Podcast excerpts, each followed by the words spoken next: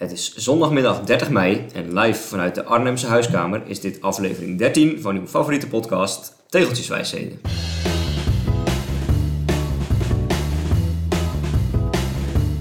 Wind een 10, het was windstil. Temperatuur een 9, bij vertrek hadden we nog arm- en kniestuk aan. Route een 8, wat Apeldoornse stoplichten en wat mulzand. Omgeving een 9, mooi, prachtig, schitterend en afwisselend. Terras een 9, beetje jammer van de schreeuwende mevrouw. Benen een 9, lang niet zo goed gevoeld. Alleen het gezelschap liet wat te wensen over. Maar als je het mij vraagt, de meest geslaagde pre-podcast opnamerit tot nu toe. Eh, Joost, gezelschap, eh, leg uit. Wat, wat, wat, wat heb ik misdaan? Oh, dit heeft natuurlijk niks met jou te maken, Jesse. Nee, ik, ik wil even voor de administratie vooraf. We hadden vorige podcast eh, de aankondiging gedaan aan onze luisteraars dat we vandaag met de one and only Kast 201, als ik het goed zeg, gingen fietsen. Kast 2001. Kast 2001. En wat bleek? Meneer is er niet. Nee, Dus eh, ik denk dat hij bang was voor een DNFje. Maar dit is een, eh, een DNSje, dit not start. We hebben het met z'n tweeën moeten doen. ja, eh, de heer Podet die, heeft andere ook wel leuke prioriteiten. Die fietste vorige week en ook dit weekend weer in Honslersdijk. Ja, dat is een heel klein eh, We moeten er maar gehucht zin in hebben. tussen de kassen. Hè, kast 2001. en dat doet hij eh, samen met heel veel andere beloften. En die eh, wedstrijden die hij daar rijdt, die worden mogelijk gebruikt voor de plaatsing voor het NK wielrennen. Dat later dit jaar nog gaat plaatsvinden. Dus dat zijn toch wel wedstrijden van enig belang. Dus ik snap heel goed dat hij daar nu... eh, En had hij zich vandaag Best aan tijdens, het tijdens onze rit niet kunnen plaatsen voor het NK? De meeste ijsjes, de meeste pannenkoeken. Ah. Dan moet toch wel een, eh, nominatie waard zijn. nee, het gaat echt om de uitslag op de fiets. Nou, hij heeft wel echt wat... eh, ik wens hem natuurlijk alle succes in Honselersdijk. Ik zie de uitslag alweer eh, verschijnen, denk ik. Maar hij heeft wel echt wat gemist vandaag. Ja, Want eh, ik, ik zei al, hè, ik denk van, de, van alle pre-podcast opnameritjes die wij gemaakt hebben samen, hè, of meestal voor de tegels, was dit wel een van de geslaagdere, denk ik. ja en dit was voor Casper heel leuk geweest. Maar eigenlijk voor iedereen die de Veluwe nog niet zo goed kent. Ja. De route van vandaag was echt een visitekaartje met alles erop en eraan. Ja. Wat je maar kunt bedenken. Van alles wat, hè, de postbank, maar ook gewoon de wat vlakkere bossen, de slingerende asfaltpaadjes eh, door het groen. Maar ook een beetje dat buitengebied. Hè. Ja, Apeldoorn hebben we ook gezien, dat was niet het fraaiste stukje van de route. Maar ehm, ja, mooie representatieve Veluwe-route, denk ik. Ja, Gestart in Arnhem, dus je hoeft ook niet helemaal diep de Veluwe op te rijden. Ja, en het was windstil. Het was een graad of, nou wat was het? 20, Ja. 22 denk ik over het algemeen. Ja, heerlijk. subliem. Ja. Zeker na de afgelopen drie weken van, eh, van regen was dit eh, heerlijk. Ja. ja. Terras onderweg was goed. Bij het Uddeler, Uddelermeer. Het Ullemeer. Heerlijk op het terrasje gezeten in het zonnetje. Ja, vroeger zwom ik daar vaak met mijn ouders. Het is een heel mooi eh, plekje. Ja, en eh, Een Nederlands stukje vakantie. ja, echt heel leuk. Ik had, eh, wat had ik nou? Een Bourgondisch bruin met warme geitenkaas. Met daarop ananas. Ja, het was echt een aanrader. Oh ja, en augurken.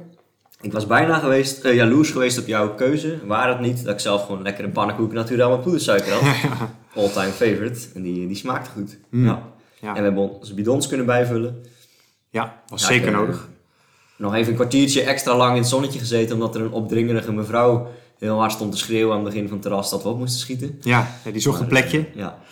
Eh, nog wel, als ik nog één cijfer mag geven. Het eten daarna, een 1. Man, wat een teleurstelling weer. Ik, we hebben het al eerder gememoreerd in de podcast. Maar de Lumpia meneer in het centrum van Arnhem. Waarschijnlijk is die overleden. Of failliet. Of eh, naar Vietnam vertrokken. Maar Lumpia's bakken doet hij in ieder geval niet meer. Nee, jij bent er speciaal nog even langs gefietst na de rit.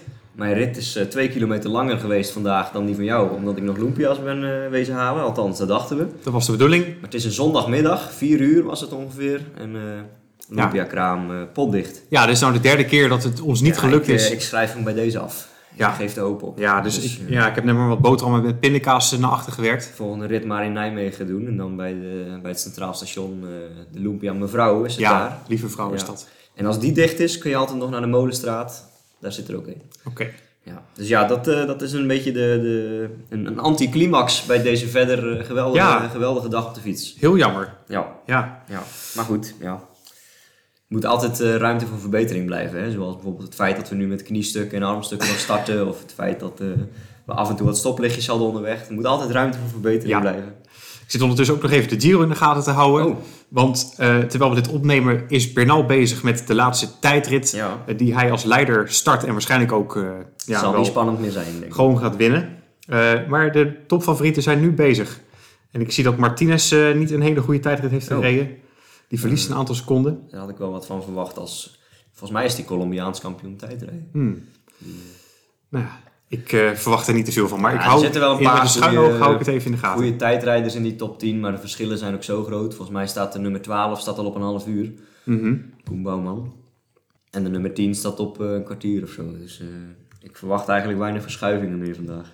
Nee, Misschien Vos nog een plekje als hij een goede tijdrit rijdt. maar Podium is denk ik eh, bekend. Ja, het was toch wel een aardige Giro. Ik weet in ieder geval de voorlaatste etappe in de bergen was nog wel leuk, omdat daar een kleine coup werd gepleegd Ja. door DSM, DSM met Bardet en, en, eh, ja, Caruso en- van en de Bahrein? Bahrein Victorious. Die met z'n allen toch nog probeerden om weg te rijden van Bernal, onder druk zetten, tijd pakken op het klassement en een etappezege. Wel leuk hoor, Caruso. Ja, Want wel die is, een eh, renner die ik graag opnam in mijn poeltjes. Omdat hij, ja, was geen favoriet. wa- Was niet duur, zeg maar, in de punten. Maar hij reed vaak top 10 in een grote ronde. Dat denk ik de vierde keer of zo. Maar- en Caruso was eigenlijk als knecht gestart in deze Giro van de kopman Landa. Landa. En toen dacht ik, nou, Landa valt weg, dan schuiven ze Bilbao naar voren. Ja, Maar Caruso stond er stiekem al heel goed voor. ja. Dus eh, ja, meestal word je tiende of achtste.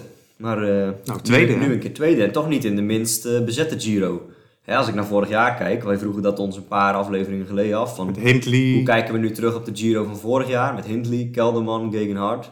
Nou, ja, Ja. ik... eh, Nee, dit is echt wel een beter bezette Giro Ja. inderdaad.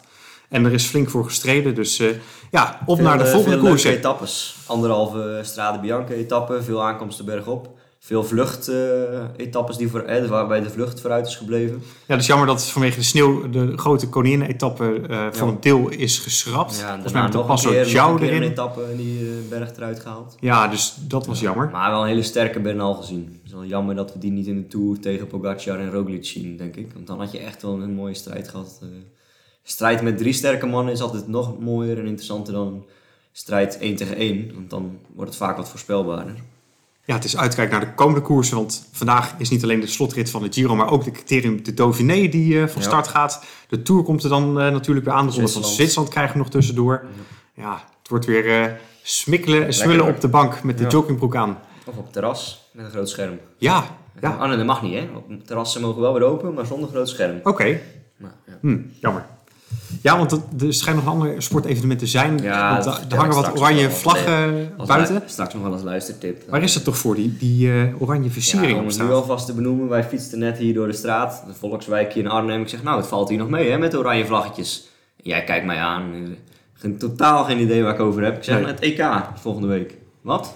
EK? Meneer, meneer is journalist, werkt elke dag op de redactie van de krant. Het is gewoon totaal langzaam heen gegaan dat het EK voetbal eraan komt. Geen idee wie, waar en wanneer en hoe. Ja, onbegrijpelijk. Voetbal, hè? Ja, Ik zal hem straks nog een keer als eh, kijktip eh, opvoeren. ja, ja, dat is goed. Hey, zijn er trouwens nog meldingen binnengekomen van tegeltjesmisbruik? Dat was een term die we vorige week of vorige aflevering voor het eerst voorbij hoorden Ik komen. heb het in de tussentijd wel een keer gedacht, zo dat iemand iets zei waarvan ik dacht, ah, dat is dus een vorm van tegeltjesmisbruik. Maar ik heb geloof ik geen eh, officiële beschuldigingen eh, op de kliklijn eh, doorgekregen. Nee, en ik heb vandaag ook niet echt het gevoel gehad dat ik misbruikt ben. Nee, vandaag was eigenlijk een uitzonderlijke mooie tegelrit, want we hebben heel veel rechtdoor gereden. Omdat ik al een hele gatenkaas hier op de Veluwe had en daar zijn we eigenlijk alle gaten gaan opvullen. En er was veel gewoon lekker rechtdoor, logische afslagen. Dus Ja, vandaag geen misbruik eh, gemeld. nee, er was wat onverhard, maar dat was allemaal goed te rijden. Oh ja, toen zat je Eh, ook kroondomeinen. De, dat stukje mulzand eh, was je wel iets zagrijniger dan... Ja, dat was een stukje over het Mulzand, terwijl daar echt 50 meter naast parallel een asfaltweg liep. Maar goed, dat neem ik voor lief. Het zal voor een tegel geweest zijn. Ja. Ja. Maar ik heb nog steeds nu zes tegels in, Ar- in Apeldoorn die ik zeg maar, leeg heb gelaten. Dus ik had het je erger kunnen maken als we die ook nog allemaal mee hadden gelust. Dan hadden we, we hadden nu denk ik 10 stoplichten en dan hadden we waarschijnlijk 53 gehad. ja, dus dat, eh, Ja. Nee, Nee, ik heb geloof ik eh, van externe geen, eh, geen meldingen van tegeltjesmisbruik eh ontvangen. Maar mocht u zich nog geroepen voelen, dan zijn, die, zijn die welkom op, Ja. de, op de kliklijn. Zeker. Iets anders wat ik nog zelf te, te binnen schoot toen ik de podcast terugluisterde. We noemden dat verhaal van, van de mail van Peter Goossens, hè, mede tegelfanaat. Maar ik was nog vergeten te noemen, dat was wel aardig, want hij komt dus uit Engelen.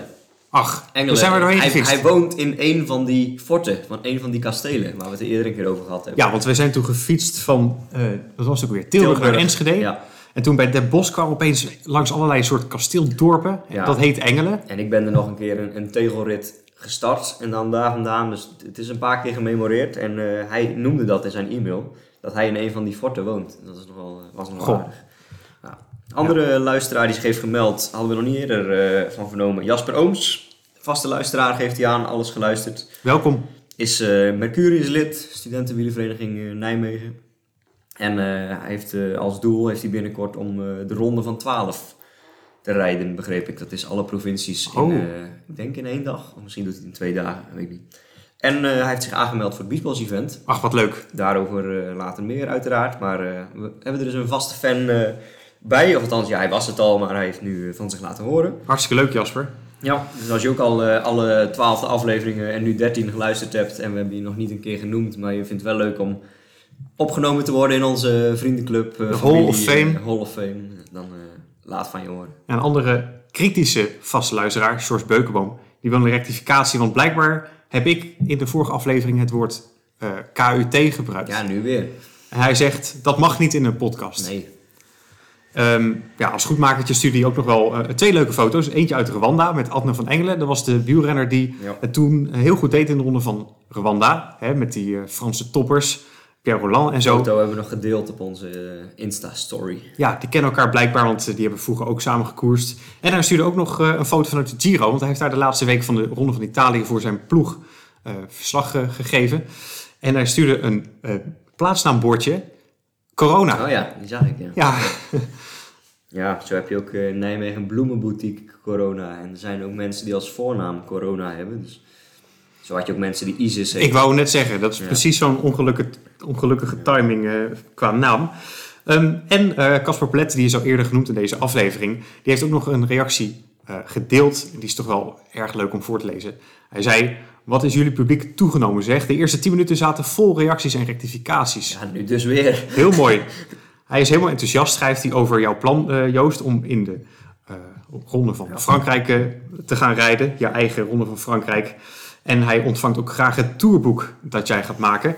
En eh, hij wil het ook nog een keer in een aflevering eh, hebben over Ottavio Bottecchia. Ja, De winnaar van de Tour van 1925. Dus een beetje in die sfeer waarin jij ook gaat rijden. Die is blijkbaar eh, twee jaar later zonder reden eh, ja, gestorven. Hij had een gat in zijn hoofd en zijn fiets stond naast een boom geparkeerd. Wellicht een leuk onderwerpje, schrijft hij. heerlijk. Lekker luchtig voor op de zondagmiddag. Nou, het is wel een mooi verhaal, die eh, Bottecchia. Ik ben dus een tourboek aan het schrijven, een tourgids. Voorbeschouwing voor mijn eigen tourproject. En daar ben ik Bottecchia laatst ook in tegengekomen. Want Bottecchia is de eerste tourwinnaar die van de eerste tot en met de laatste dag in het geel heeft gereden. Dat is daarna nog maar twee keer, drie keer eerder lang- nog gebeurd door een Luxemburger en eh, Jacques Anquetil. En daarna is het ook nooit meer gebeurd. Armstrong die koos er vaak voor om eh, de trui een weekje weg te geven aan een, aan een Fransman of zo. En dan eh, hoefde hij niet op kop te rijden. Maar dat is dus, eh, zo is Bottecchia ook de, de geschiedenisboeken ingegaan. En hij heeft hem twee jaar achter elkaar eh, gewonnen, 25 en 26. Oké, Dat is een memorabele naam. En gat in zijn eh, hoofd. ja, ja, dat gat in zijn hoofd, ik, eh, ik, ik sla die even over. Want daar eh, is niet zo'n heel smakelijk verhaal, denk ik. Hmm. Maar ik heb, ik heb wel meer enthousiaste reacties op dat, op, dat- op dat idee van de tour eh, gehad van, van luisteraars en mensen die ik verteld heb. En ook wel een hoop pre-orders van de, van de tourrits. Dus ik ben dat zelf aan het opstellen en ik hoop dat ik hem een weekje vooraf of zo af heb. En dan kunnen we nog wel een keer een oproepje doen voor mensen die hem afgedrukt eh, willen hebben. Wordt een mooi hoorde, ding. ik hoorde tijdens het fietsen dat het echt een behoorlijk dik exemplaar gaat worden. Meer dan Ja, 120 ik maak pagina's. Elke start- en finishplaats, dat is dus iedere keer dezelfde. Hè? Opeenvolgend eh twee pagina's, tussenliggende etappes, twee pagina's. Dus ja, met, met 30 etappes zit je dan al snel aan eh 100 plus. En nog wat overzichtskaartjes van Frankrijk. Dus eh wordt een mooie, eh, complete gids. Ja, mooi. Ik meld me ook alvast aan hoor voor dat boekje. Heel erg leuk. Ehm, wij hadden ook naast de reacties eh, die we doorgaans krijgen ook nog een vraag van de week opgesteld. En eh, dat was de vorige keer eh, wat was nou de beste goedkope aankoop die je voor de fiets ooit hebt gedaan? Ja. Een leuk klein gadget bijvoorbeeld. Prijs-kwaliteit verhouding. eh, ja. Ja, daar heeft onze nieuwe vaste luisteraar zich ook voor gemeld, Jasper Ooms. Die heeft het over clubkleding. Ja, ja, en het bijzonder Mercurius clubkleding, dus van die studentenwielenvereniging. Want daar werkt het altijd nog zo, als lid krijg je 25% korting op de inkoopprijs. Dus dan heb je gewoon hele goede kleding van Agu of eh, dat soort merken. En eh, ja, die bestel je voor een hele lage prijs en je kunt in de rest van je wielenleven, ik fiets er ook nog geregeld in, kleding die ik acht jaar geleden besteld heb. Maar eh, het is zo, clubkleding is sowieso wel een goede tip natuurlijk om aan te schaffen. Of het nou echt een goedkope aankoop is, weet ik niet. Want voordat je een heel setje met een eh, shirt lang, shirt kort, eh, broek, eh, body hebt aangeschaft, dan eh, ben je vaak al wel eh, een paar honderd euro lichter. Het is relatief goedkoop. Je Maar kunt, je, je hebt er veel plezier van. Ja. En niet alleen omdat het lang meegaat, maar ook omdat je herkend wordt en onderdeel voelt van de club. En, Ja, eh, en zo'n club- kunt, eh, kunt zwaaien onderweg. Zo'n club bestelt natuurlijk in bulk, dus je kunt redelijk goedkoop dan aan shirtjes komen. Ja. Dus dat is zeker een, een grote Ja. voor, eh, voordeel. Ehm, er is ook een nieuwe vraag van de week. Die heb ik mezelf eh, eigenlijk afgevraagd. Dus eh, luisteraars, help mij. Want ik ben best wel afgevallen. Ik, ja, ik train goed, maar ja, ik zit nou net onder de 60 kilo. Er mag wel wat meer bij. Hoe, hoe moet ik dat doen? Heb je zelf een verklaring van hoe het is gekomen? Goh, nee, niet echt. Liefde? Ja, dat zou zeker kunnen. Ja, dus als iemand een goede tip heeft om een paar kilo aan te komen. Lekker Laten we eten zou ik zeggen. Pannenkoekjes, lumpia's. Ja, lumpia's. Ja, dat was inderdaad Pizza's. vandaag op het plan. Lijkt me geen probleem. Nee, nee, nee. Maar jij wil dus van de luisteraars eh, horen hoe jij aankomt. Maar heb je daar nog specifieke wensen bij? In spieren of vet? Of, eh, Nee, ja, het moet... Anders krijg je natuurlijk tips van nou, eh vreet de hele Albert Heijn aan chips leeg. Ja, dat liever niet. Oké, ja. Ja. Ik, zal eens, eh, ik zal eens voor je nadenken. Ja, en jij bent juist eh, op een andere manier lichter geworden. Ik ben lichter geworden. Althans, mijn, mijn, eh, de combinatie van ik en mijn fiets. Qua gewicht zit ik denk eh, qua lichaamsgewicht al wel een tijdje eh, stabiel. Ik heb gisteravond, en ik moet eigenlijk bijna zeggen gisternacht, ik was om half één klaar. Heb ik anderhalve ons lood uit mijn fiets. Jongen, jongen. Ja, ik heb sommige Je- mensen... ligt hier op tafel? Ligt hier op tafel, drie stuks. Hartstikke zwaar. Het zijn denk ik origineel vis, visloodjes of zo. Ja. Ik rijd natuurlijk op zo'n Team Sunweb fiets uit 2017. En eh, sommige profploegen, daar, daar is dat verhaal wel van bekend. In, als je eh, zeg maar, een fiets rijdt in een profpeloton, dan moet die geloof ik minimaal 6,7 of 6,8 kilo zijn. Hè? Ja. UCI, lichter is gevaarlijk, zeggen ze. Ja, Beetje achterhaald. onzinregel. Maar ja, voldoen. fietsenfabrikanten die kunnen inmiddels lichtere fietsen maken. Dus wat doen ze dan? Zeker bij de kleinere fietsen, hè, de lichte, lichte mannetjes. Doen ze vaak even een plaatje lood achter de bidonhouder of zo, of onder het zadel. Om die fiets wat zwaarder te maken. Dus dat verhaal kende ik al wel.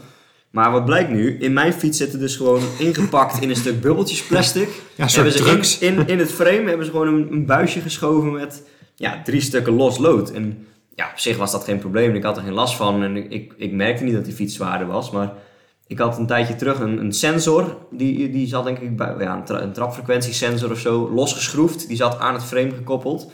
En toen hoorde ik, toen ik dat ding aan de buitenkant losschroefde, er viel iets in het frame. Ik denk dat die daaraan vastgeschroefd zat. Ik dacht, nou ja, magneetje of een moertje of zo. Maar dat begon steeds meer te rammelen. En als ik over klinkerwegen re- reed, nou, het was echt geen gehoor. En, ja, ik probeerde die ook te mijden, maar ja, ik ging hem af en toe een beetje schudden en kijken. Ja. Er zit zo'n een, een, een, een gaatje in het frame, in de. Achterkant. Ja, Tussen het eh, bottom bracket en de linker eh, uitvalnaaf, om het eh, technisch te maken. Een gaatje in het frame van een centimeter doorsnede, kon ik een beetje doorheen kijken, met een zaklampje schijnen. Ik dacht, er ligt gewoon een, een kogeltje of een, of een stuk lood of zo. ja bizar. Dus ik een beetje schudden en eh, het bottom bracket opengehaald. Dat paste net niet doorheen. Er zat zo'n klepje aan de onderkant. een voorvork eruit gehaald. Hè. Dan heb het groter gehad. Schudden met een, met een spaak omgebogen. Trekken, sleuren. kwam er een stukje lood uit. Ik dacht, nou, opgelost. Ik alles weer terug. Eh voorvork er weer in. eh, zadelpen, zadel er weer op. Weer schudden. Er zit er nog wat in. Dus ik weer alles eraf. Kom, komen er nog twee stukken uit. Het is toch merkwaardig dat Ja, het bij de ik hou dus uit, niet het- verteld uit is. het, uit het bottom bracket heel, heel stuk plastic. Helemaal opengescheurd en verteerd. Ja, daar heeft het dus allemaal in gezeten. Ja, water, eh, zon, eh, zand, alles verteerd. Ja, er heeft dus gewoon een mechanieker bij Team Sunweb bedacht... nou, ik moet 130 gram winnen op die fiets. Ik pak gewoon wat stukken lood uit de vis, eh, viskoffer. En die heeft ze ingepakt in bubbeltjes plastic en erin Maar het is toch gek dat de verkoper dat aan jou niet verteld heeft? Ja, ja, dat is zo'n verkoper die koopt elk jaar 50 van die fietsen in. En die zal niet registreren hoeveel gram lood er overal in zit. Maar ik wil de, de mechaniekers van die profploegen wel verzoeken om het gewoon netjes achter de bidonhouder eh, Ja. net, net plaatje te schroeven. Beetje Niet, eh, omslachtig. losse stukken lood. Maar goed, hij rijdt weer als een zonnetje. En ik bedenk me wel iets heel leuks, want eh, die eh, fietsen worden ook nog wel eens gewogen voor de start Ja. van een wedstrijd. Ja, Wat nou als je een klepje in je frame maakt en je moet Ja. aan de start voldoen aan dat gewicht? En halverwege de etappe gooi je dat lood gewoon weg. nou precies. Dit zat er zo goed ingepakt in dat ze dat niet zullen hebben gedaan. Maar je kunt heel makkelijk ergens op je fiets, ja, eh, met een mag- magneetje ergens of zo, eh, natuurlijk zo'n plaatje lood ergens even opplakken. Ja. En je- bij de start s- smijt je het weg. Of Precies. liever nog, plak je het op de fiets van je concurrent. Ja, dat is toch, dan heb je zomaar 100 gram Ja. te licht. Ja, ik, ik vind het een bijzonder verhaal. Ik zal, ik ken iemand die werkt bij inmiddels DSM. Ik zal die eens vragen of die dit kan bevestigen dat dit zo is gedaan. Want, Ja. Ja, eh, gewoon echt losse, losse stukken materiaal Ja, eh, bizar. kwamen eruit. Ja. Maar goed, hij, hij, hij rammelt nu niet meer. Dus, Nee. eh, Nee. en ik heb dus een hele lichte fiets. Ik denk dat ik nu op 6 6, eh, 6,6 zit. Ja. Ehm, ik probeer een bruggetje te maken tussen lood en kogels. ja. En dan heb jij, denk ik, door waar ik het over ga hebben. Ik Harskamp. ben eh, vorige week op Harskamp geweest. Ja, dat is dus de plek waar ik niet durf te komen. Een militair terrein, verboden gebied. Onder tegenliefhebbers ook wel, hè, zeker in onze regio, bekend als het struikelblok om naar het noorden toe uit te breiden. Of voor mensen van boven Harskamp naar het zuiden toe. Ja, dat is ook echt al ja, maandenlang bij mij een soort natuurlijke drempel waar je niet overheen kon aan de noordkant. Ehm, Peter Goossens, eerder genoemd, hè, ook, eh, die de, de kano-route in de Biesbos heeft gemaakt, eh, noemde of liet al een keer zien op zijn Strava van nou, het is te doen. Je kunt daar, eh, als het gewoon rustig is, gaan eh, fietsen. Mede-tegelaars Martijn Bos en, eh, en Nienke mee afgesproken om het gewoon een keer te gaan proberen. Op een zondag, we, da- we dachten van nou, in het weekend zal er wel niet gewerkt worden, geoefend worden. En het was Pinksteren, dus, nou, al die militairen hebben feest, feestdag, zijn vrij. Dus wij, naar, wij naar Harskamp toe. Oei. Ja. Ja. Wil je het spannende verhaal of het, eh, of het eh, saaie verhaal? Nou, je leeft nog, dus het zal niet heel spannend zijn geweest. Nou, nou ja, wij, eh, wij, wij kwamen bij Harskamp aan. Hè? Dat is zo'n militair terrein helemaal om, om, omhekt. En met, met op zes plaatsen of zo kun je er met een slagboom in. En er staan van die borden overal levensgevaarlijk schietterrein. Jij stoof meteen weer 100 meter weg toen Ja. we daar samen waren.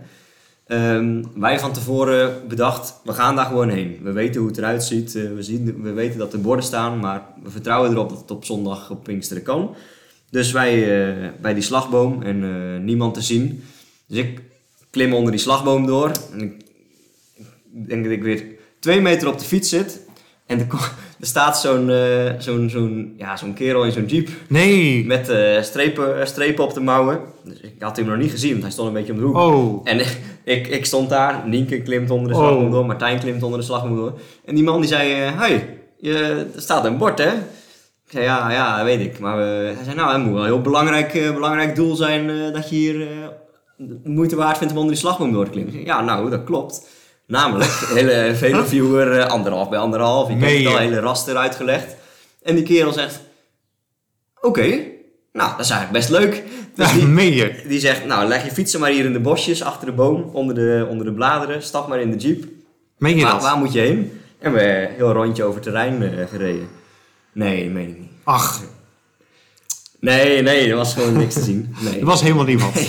nee, ik zat helemaal aan je lippen gekluisterd. Rustige, rustige Pinksterdag. Geen Er was niks aan geen militair gezien. Nee, nee, nee. Nou, misschien volgend jaar Pinksteren. Nee, ja. eh, Wat ik, ik wel nog steeds gezien, niet dat ik het ga doen. En dan heb ik eh, een cadeautje voor je meegenomen. Dat is een verrassing. Eh, Ik zet nu een, een ingepakt cadeautje voor Jesse op Ach, tafel. hier wist ik niks van, luisteraars. Pak, pak even snel uit. Wit-blauw gestreept. eh, ik weet van niks. Het hoort gewoon in het, eh, in het eh, werkelijke, realistische verhaal. Maar we, we zijn het terrein opgefietst en op een gegeven moment moesten we een tegel rechtsboven oh, hebben. Wow, meen je dit? En we kwamen echt op het, op het oefenterrein Wow. uit, in het Mullenzand. Wow, wow, wow. En ik weet dat jij hier in de kast eh, een aantal van die Duitse en eh, Joost, Engelse kogelhulzen ik heb hier vier liggen. kogelhulzen in mijn hand. In een bakje. Gewikkeld in keukenpapier. En die zijn ook allemaal afgevuurd. Ja, Zelfs nog eentje van een grote kaliber eh, ik. inderdaad. Deze. Wat leuk. En er staan ook altijd wat codes op. Jaartal, fabriek. Ik zag dus dat kan ze ik in, even... eh, in Mexico of in Brazilië of zo eh, gefabriceerd zijn. Wat leuk joh. Ja. En die kun je daar gewoon oprapen. Ja, er lagen echt, eh, ik denk dat dat uit een mitrailleur komt of zo. Wat gaaf. Er lagen echt, eh, plek waar wij stopten op het keerpunt om onze tegel aan te stippen. leuk Eh, jongen. Dankjewel. Alsjeblieft. Dus ik hoef er niet meer te komen. Nee, Ik heb mijn... dit is jouw eh, om, om te bewijzen dat je in Haskamp bent geweest. Staat daar niet op Veloviewer, maar... ja, dus naast eh, de stukken lood die gisteren uit mijn fiets kwamen, ligt er hier nu nog voor een half kilo aan, aan oud ijzer op tafel. Geniaal, wat leuk dat je daaraan eh, gedacht hebt. Nou, Ja, ik dacht, jij komt hier toch nooit. Hè? Dus jij, jij durft dit niet, dus dan moet ik toch iets voor je meenemen. Ah, superleuk Joost. Maar ja, voor de, voor de luisteraars die, die nog twijfelen, doe het vooral, want het kan. Doe het op een rustige weekenddag, op een zondag, bij voorkeur op een feestdag. Het kan gewoon, heb vertrouwen. Ehm, blijf wel op de paden, is ons aangeraden door iemand die via via hoorde dat we dit gingen doen en daar werkt. Ehm, want er schijnt nog wel eens hier en daar wat te liggen, wat misschien nog kan ontploffen. Maar het is wel echt schitterend. Hele uitgestorven, kale zandvlakte. Het is echt eh, mooi. En er liggen dus nergens sporen of zo, afgezien van wat rupsbanden af en toe. En eh, eh, dierensporen. Dus echt heel vlak zand, zeg maar on, ongerept zand. Waar je dan af en toe zo'n zo'n reënspoor zo eh, doorheen ziet. Heel Ik zou er bijna zin in krijgen. Ja. Bijna. En eh, ja, het gaat heel soepel deze aflevering, merk ik. Ik kan weer een bruggetje maken. Namelijk naar een ander militair terrein. Dat van Stroe. Ja, want eh, we gaan naar de tegelrubriek.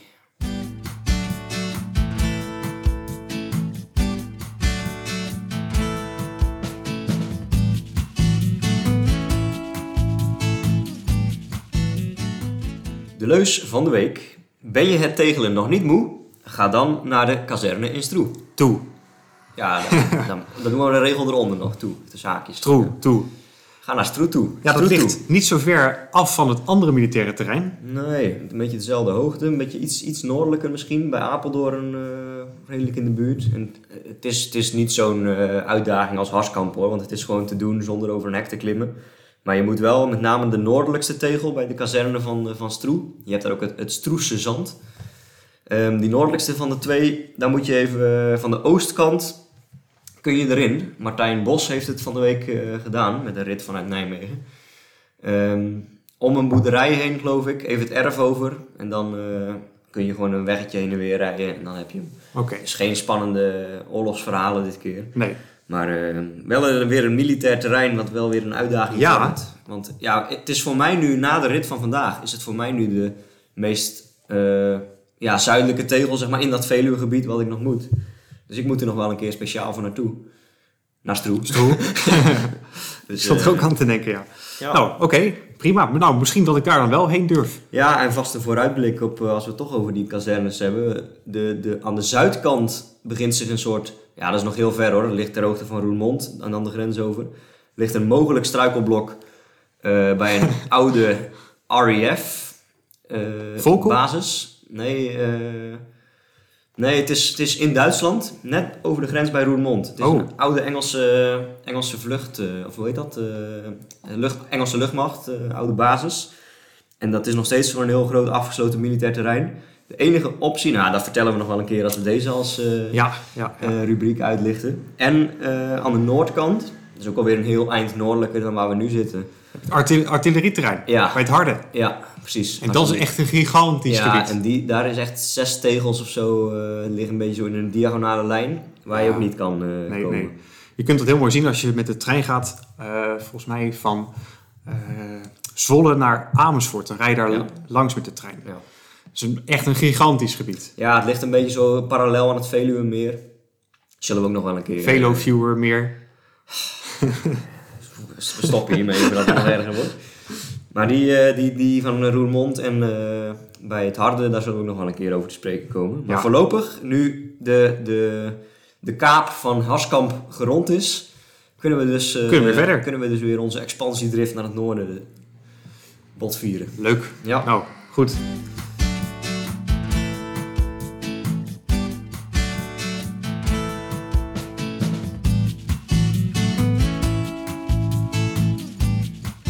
We hebben ook wat updates binnen over ons Biesbos Zomer-event. Dat komt er nu wel heel snel aan. Ja, Eh, het is, als je dit luistert, nog maar een paar dagen. 5 juni, dan is het zover ons eerste ja, eh, event Ja. als tegeltjeswijsheden in eh, ja, de Biesbos. En we hebben 11 aanmeldingen. Ja, dus we, we, we hebben zaterdag 5 juni uitgekozen. Hè. Dat hebben we vorige aflevering gecommuniceerd. En we starten bij de Vissershang in Hank. Daar huren we kano's. En dan gaan we een kanoroute van 20 kilometer door de Biesbos maken. Om alle tegels waar je niet kunt fietsen in één rondje te pakken. En eh, we hebben bedacht dat we na afloop gaan we met de, de groep mensen die dat meedoet, eh, gaan we daar barbecuen. Ja, Dus er zijn al twee barbecues geregeld. Met dank aan eh pedalpusher hè, Wilbert en een, een, een via via via Martijn, Martijn Bos die ook meegaat, een barbecue geregeld. moeten we alleen nog wat vlees We regelen. moeten nog even boodschappen doen. Ja. Misschien een koelboxje. Het wordt warm weer. Ehm, en we hebben elf aanmeldingen. Heel leuk. Ja, dus wat vrienden en familie van ons. En eh, bijvoorbeeld een luisteraar zoals Jasper Ooms eh, aanmelding. Dus eh, En er is nog plek. ja, ja, volgens mij is de vissershang, volgens mij is het aantal kano's daar niet heel beperkt. Dus Wil je nog komen? ja, Laat het ons waarschijnlijk weten. hoor je dit dan vlak voor 5 juni. Dus het is misschien wat kort dag. Maar we zullen nog even afspreken eh, hoe laat en zo we starten. Ik, ik, ik zal eh, met de 11 aanmeldingen die ik nu heb even een appgroepje aanmaken. En dan eh, kunnen we dat soort Ja, dingen gezellig. kortsluiten. Ik ben heel benieuwd wie onze luisteraars zijn, hoe ze eruit zien. En ja. of, of we een beetje kunnen kanoën met z'n allen. En wat misschien wel leuk zou zijn, is om dan aansluitend op de barbecue, dus na het kanoën, live de nieuwe podcast op te nemen. Heel leuk, Met, ja. met publiek. We hebben dat één keer eerder gedaan, de afloop van de Trappist op. LED. Toen hebben we ook op locatie een podcast opgenomen met Lars. Dat was leuk. Dat was heel leuk. Dus Ja, dat zie ik en wel toen, zitten. eh, trokken we ons nog terug zeg maar, in de staakerven met Lars. Maar eh, het is misschien wel leuk om dat straks eh, met het publiek erbij te doen. Want dat zijn allemaal luisteraars. ja. Kunnen we misschien wel soms live rectificaties. Ja. Steek je drumstuk in de lucht als je een live rectificatie hebt. ja, kortom, we hebben er heel veel zin in. Dus ja, hopelijk tot dan. Ja, Qua AB-vragen is het wat minder bedeeld dan het aantal aanmeldingen voor ons Biesbos Zomerevent. We hebben er twee, maar wel twee kwalitatief goede. We beginnen met de eerste. Lumpia's of boterhammen met pindakaas. ja duidelijk Lumpia's. Ja, Dat is ook de reden dat ik hier nu zonder eten zit. Want de Lumpia's waren er niet. En toen zei hij, nou, wil je dan een boterham met pindakaas? Ik zei, oh, dat, dat, dat is dan zo... eh, te- ver onder jouw maat, hè? Ja, ik heb Nou er ja, een paar op. Maar, Ik eh, eet ze vaak als ontbijt of lunch. Maar als je je dan verheugt op vijf Vietnamese Lumpia's... om dan eh, drie droge boterhammen met pindakaas te gaan zitten... naar binnen proppen... Hmm. Nee, Nou goed. graag Lumpia's. Dus eh, weet u in de buurt van Arnhem een, eh een Lumpia-kraam die nog wel open is... ja, We horen het heel graag. ik ken hem niet. En anders ja, zou ik zeggen, we spreken volgende keer in Nijmegen af, want daar zijn ze nog wel open. inderdaad. De tweede AB-vraag en de laatste. De Dauphiné of de Ronde van Zwitserland. Oeh, Twee meerdaagse in voorbereiding op de Ja. Tour de France. allebei een weekje ongeveer. Ehm, ik denk dat ik de Dauphiné een eh, mooiere koers vind. Hmm. Het is een beetje hetzelfde dilemma als dat je zegt eh, Parijs-Nice of Tirreno. Dat Ja. is ook altijd zo'n keuze van een... eh, kijk, de, de Dauphiné is in de, in de familie van de Tour, zeg maar. Wordt georganiseerd door de ASO. Dus dan heb ik altijd de gele trui, de groene trui, de bolletjes trui en dezelfde profiel, hoogteprofielen en de, kop, de calls, zeg maar, op dezelfde manier. Ik, ik hou daar wel van als het zo in die tourstijl is. Ik ga dan toch voor de Ronde van Zwitserland. Even ja, een ander sfeertje. Juist niet de ASO, want daar hebben we al genoeg koersen van. Eh, en dat is ook de rentree van Tom Dumoulin. Ja, En ja, we gaan hem daar niet echt zien, denk ik, voorin. Maar het is toch mooi om hem te volgen. zeker. Ja, het is ook een prachtig fietsland natuurlijk. Ik, eh, ik denk dat Zwitserland voor mij wel een van de mooiere vakantiebestemmingen is. Ja, het is ook een beetje hetzelfde gebied natuurlijk. Hè? Want Dauphiné is ook zo op de grens van Frankrijk en Zwitserland. De Ronde van Zwitserland pakt dan vol- volgens mij altijd wat meer zo het centrale en het Italiaanse Duitse deel. Maar, eh, Tot ja. een paar jaar terug had je daar Albacini die iedere keer een Ja. etappe pakte. Ja, ja en eh, was dat Zwitserland of Romandie of zo? Had je altijd Simon Spilak, die, eh, Hmm. die won altijd. Of ergens een paar dagen. Je had altijd van die types die waren alleen in Zwitserland goed. Ja. Ja. En Cancellara heeft hem een keer eh, Hmm. gewonnen. Ja. Dus wie weet, Dumoulin. Nee. Ja. nee, ik verwacht eigenlijk dat Dumoulin, of dat zou logisch zijn als die gewoon alle dagen honderdste wordt of zo. ja. Gewoon weer een beetje wedstrijdritme opdoen. Ik denk dat we niet moeten verwachten dat hij hier eh, meteen in de bergritten weer... eh, Nee. vooraan rijdt. Want ik vermoed namelijk dat omdat hij zich nu op die tijdritten richt, dat hij ook alweer een kilo of twee, drie gewoon met spiermassa aan is gekomen. Ja. Want hè, voor de tijdrit eh, is dat prima. Want ja, volgens mij was dat juist dat, dat leven als een monnik, zo dat klassementsrenners en ja, dat zag er niet meer zitten. elk grammetje wegen, dat zag hij volgens mij juist. Ieder. Ja, loodje. Dat is voor mij Lothar Matthijs, hè? We hebben nu wel gelijk de kijker luistertips te pakken, namelijk de Dauphiné en Zwitserland. Ja, allebei, hè? Kijk ze allebei. Ja, ja, ja. Ik hoop dat Sportraad weer zo uitzendt dat je ze altijd na elkaar zo de finales kan kijken. Dat is Mhm. wel, eh, aangenaam. En eh, ik heb ook nog een leestip. Eh, White, dat is het blad dat Wielenflits maakt. Dat komt 4 juni uit. Dat wordt de tweede editie. Dat wordt een heel dik zomerspecial met alle aandacht voor de Tour en voor de Olympische Spelen. Ik heb het eerste blad hier gehad. Daar hebben we het misschien al een keer eerder over gehad. Mhm. Een kwalitatief goed blad. Ik eh, was erg eh, tevreden. En ik kijk dan ook uit naar de tweede editie. Dus ja, mensen schaffen het aan. Leuk leesplezier, mooie foto's. eh. ja, de vorige keer was het meer dan 100, ik weet niet, meer dan 100 pagina's. Dus ja, leuk. Klinkt als een mooie tourgids. Right. Nou, als we en de hele nieuwe ride en mijn hele tourboek moeten gaan lezen in de zomer, dan is de zomer snel voorbij hoor. Dan, Ja. Nou, mooi vooruitzicht. En ik zie nog iets staan. Het ja, ik EK. had, ik had vooraf in het draaiboek gezet als, eh, als kijktip, en met name aan de hand van die anekdote die ik net vertelde hier eh, vlak voordat we thuis waren, het EK voetbal. Nou, dat begint eh, half juni. Dat is voor Waar? de meeste overal in Europa. Oké.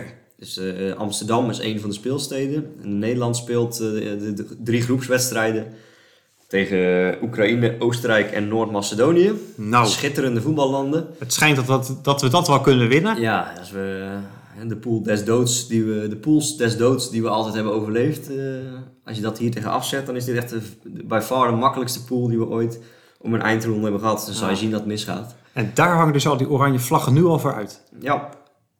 Ja, en het is dit jaar nog laat, zeg maar, omdat het een coronajaar is en er mag niet zoveel. En dus ook die, die, dat, wat ze er steeds bij zeggen, de terrassen mogen open, maar grote schermen niet. Dat is omdat het EK eraan komt. Ah, niet vanwege de Tour. Nee. Aha. Nee. Nou goed, horen jullie gelijk hoeveel ik weet van voetbal. Ja, voor een journalist on- onbegrijpelijk. Ja, nou. Misschien moeten we daar maar bij laten. Dan ga ik me even snel inlezen in eh, het Europees kampioenschap voetbal. En dan kunnen we nog even de Giro terug gaan kijken. Eh, ik heb begrepen dat Bernal heeft gewonnen. Spoiler. Maar eh, hij heeft het Nou ja, overleefd. is dat geen spoiler meer. Ik denk dat het inmiddels vrijdag is als men dit hoort. Nou ja, Ik heb geleerd dat ik bij deze podcast geen voorspellingen meer moet doen, alleen maar terugblikken moet doen. Anders eh, maak ik mezelf ongeloofwaardig. dat is verstandig. Nou, dan gaan we het daarbij laten. Ik ga lekker spelen met mijn kogelhulsen. Ja, wil je, Jij die je- loodjes, eh, wil je die loodjes ook hebben? Ja, neem die maar. Eh, Ja, mijn fiets is al zwaar genoeg. Voor in je poppenhuis. Ja. Dankjewel eh, luisteraars voor jullie aandacht. Eh, sommigen zien we binnenkort in de Biesbos en de anderen gewoon weer bij de volgende aflevering. Ik kijk er naar uit. Tot dan. Ciao!